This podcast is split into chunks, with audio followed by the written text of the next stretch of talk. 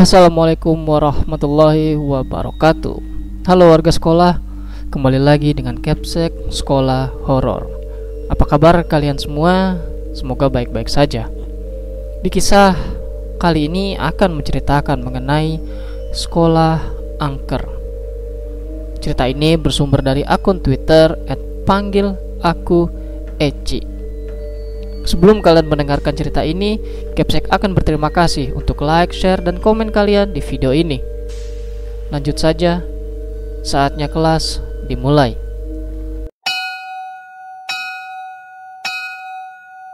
Jadi, kejadian ini aku alami bulan Januari 2020. Sekolahku lagi ada kayak event gitu.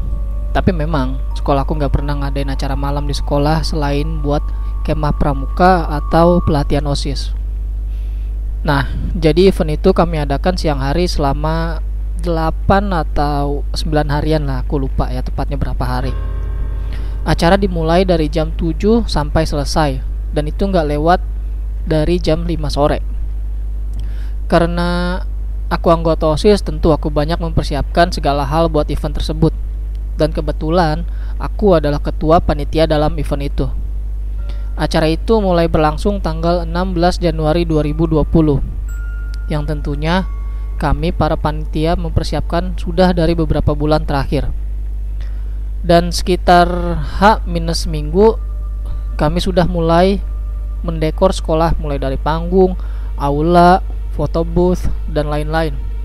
Dan sering kali juga kami mendekor hingga malam hari. Dan pada saat itu aku nggak pernah kebayang bahwa sekolahku akan sangkar ini. Karena kalau siang aku lihat ya seperti sekolah pada umumnya. Ada banyak anak kecil, ibu-ibu, anak remaja dan segala kalangan umur. Yang pastinya sih memang bukan manusia. Tanggal 14 Januari malam. Aku dan teman-teman OSIS lainnya ke sekolah untuk melanjutkan dekor persiapan kami. Aku tiba di sekolah pukul 19 lewat 37 Setiba aku di sekolah, tepat di gerbang masuk sekolah aku lihat ada sosok makhluk besar. Tapi aku nggak bisa lihat wujudnya karena di sekitaran gerbang itu gelap banget. Aku hanya melihat ada bayangan hitam besar tinggi sekitar kurang lebih 3 meteran. Dan aku masuk sekolah dan tiba di panggung tepat di tengah lapangan. Saat aku duduk di panggung, aku merasakan banyak yang melihat ke arahku. Aku lupa waktu itu kami ada berapa orang tepatnya. Ya mungkin sekitar kurang lebih 10 orangan lah. Tapi aku merasa yang melihat ke arahku waktu itu bukan teman-temanku. Dan ternyata benar dugaanku. Aku melihat ke arah kelas 11 IPS 2, tepatnya di sebelah kiri panggung. Deretan kelasku juga, karena aku berada di kelas 11 IPA 2 yang hanya berjarak satu kelas lagi dengan kelas 11 IPS 2. Aku melihat ada nenek-nenek sedang menangis sambil menyisir rambutnya. Aku tidak menghiraukan nenek tersebut dan tetap bersikap seperti biasa. Banyak, banyak yang aku lihat malam itu. Tidak seperti hari siang lainnya. Termasuk ada genderuwo. Pria korban kecelakaan yang sudah tidak ada tangannya anak kecil yang lebam-lebam sambil berlari-lari, dan lain-lainnya. Kemudian di belakang panggung, di atas sebuah pohon besar, aku melihat ada sosok pria besar yang selalu mengawasi kami. Bahkan, terkadang dia marah dan melotot ke arahku dengan mata merahnya. Sesudah malam itu, aku berusaha untuk bersikap biasa saja jika melihat makhluk-makhluk menyeramkan di sekolahku sampai saat upacara pembukaan tanggal 16. Setelah upacara, kami mengadakan penerbangan balon dan aku melihat ada anak kecil yang menangis di tengah lapangan. Aku nggak tahu apa sebab anak tersebut menangis. Tapi anak tersebut menangis sambil membawa pisau di tangannya yang dilumuri darah. Dan setelah itu, aku selalu bertemu dengan banyak makhluk-makhluk menyeramkan entah malam atau siang. Hingga akhirnya aku sudah mulai terbiasa sampai tiba di suatu malam dan aku lupa tanggal berapa tepatnya. Ketika aku sekolah untuk mempersiapkan acara esok harinya, Di dalam sekolah seperti biasa aja, tidak ada yang berubah dari malam-malam lainnya. Namun, saat aku keluar sekolah, tepatnya di depan buper sekolahku, dari jauh, aku memang sudah merasa dilihati oleh makhluk besar itu. Sampai tepat di depan buper itu. Badanku langsung merinding, tidak seperti biasanya. Sekitar 3-4 meteran dari buper, aku mencium bau yang sangat busuk. Yang aku sendiri pun sebenarnya nggak tahu itu bau apa, namun sangat busuk.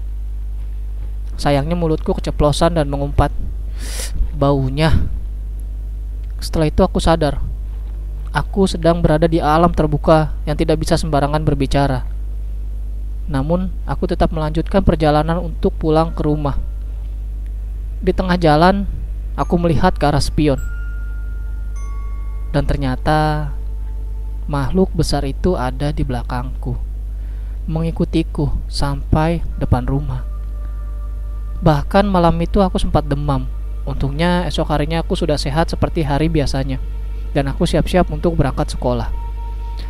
Saat aku keluar rumah, makhluk itu sudah tidak ada lagi.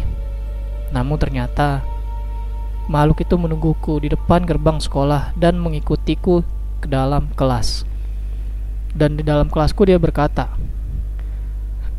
Aku tidak suka kalian berpergian malam-malam ke sini.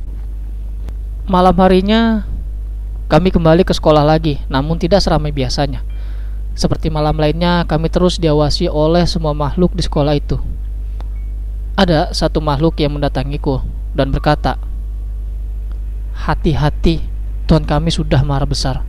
Kalau ke sini, jangan lupa berdoa. Jangan berisik dan jangan terlalu ramai." Aku hanya iya-iya saja malam itu. Sampai ada satu malam. Menurut cerita temanku, karena pas kejadian aku tidak ada di sekolah jadi ada satu temanku laki-laki yang hampir dicekik oleh makhluk halus. Satu teman perempuanku melihat makhluk itu dan menangis. Keesokan harinya aku menceritakan kejadian itu pada satu orang kenalanku yang juga adalah indigo. Dia bisa menerawang kejadian-kejadian lalu maupun kejadian yang sekarang. Dan dari terawangannya, makhluk yang hampir mencekik temanku itu sebenarnya suka dengan temanku. Tapi aku tidak pernah melihat makhluk itu. Sampai hari terakhir aku sekolah, aku terus mencarinya, tapi tidak pernah ketemu. Dan hingga di hari min satu penutupan acara, ada satu makhluk yang mendatangiku dan bilang, acaramu terlalu ramai dan terlalu lama. Berhati-hatilah pada tuanku, karena dia masih membencimu. Sampai hari penutupan, aku tidak bisa menemui makhluk besar itu. Makhluk yang disebut Tuan oleh makhluk-makhluk lainnya.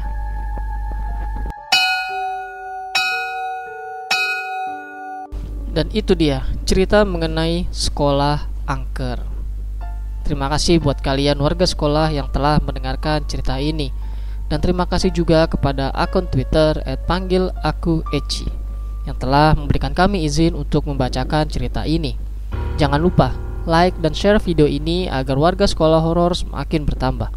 Dan sampai jumpa di kelas berikutnya. Assalamualaikum warahmatullahi wabarakatuh.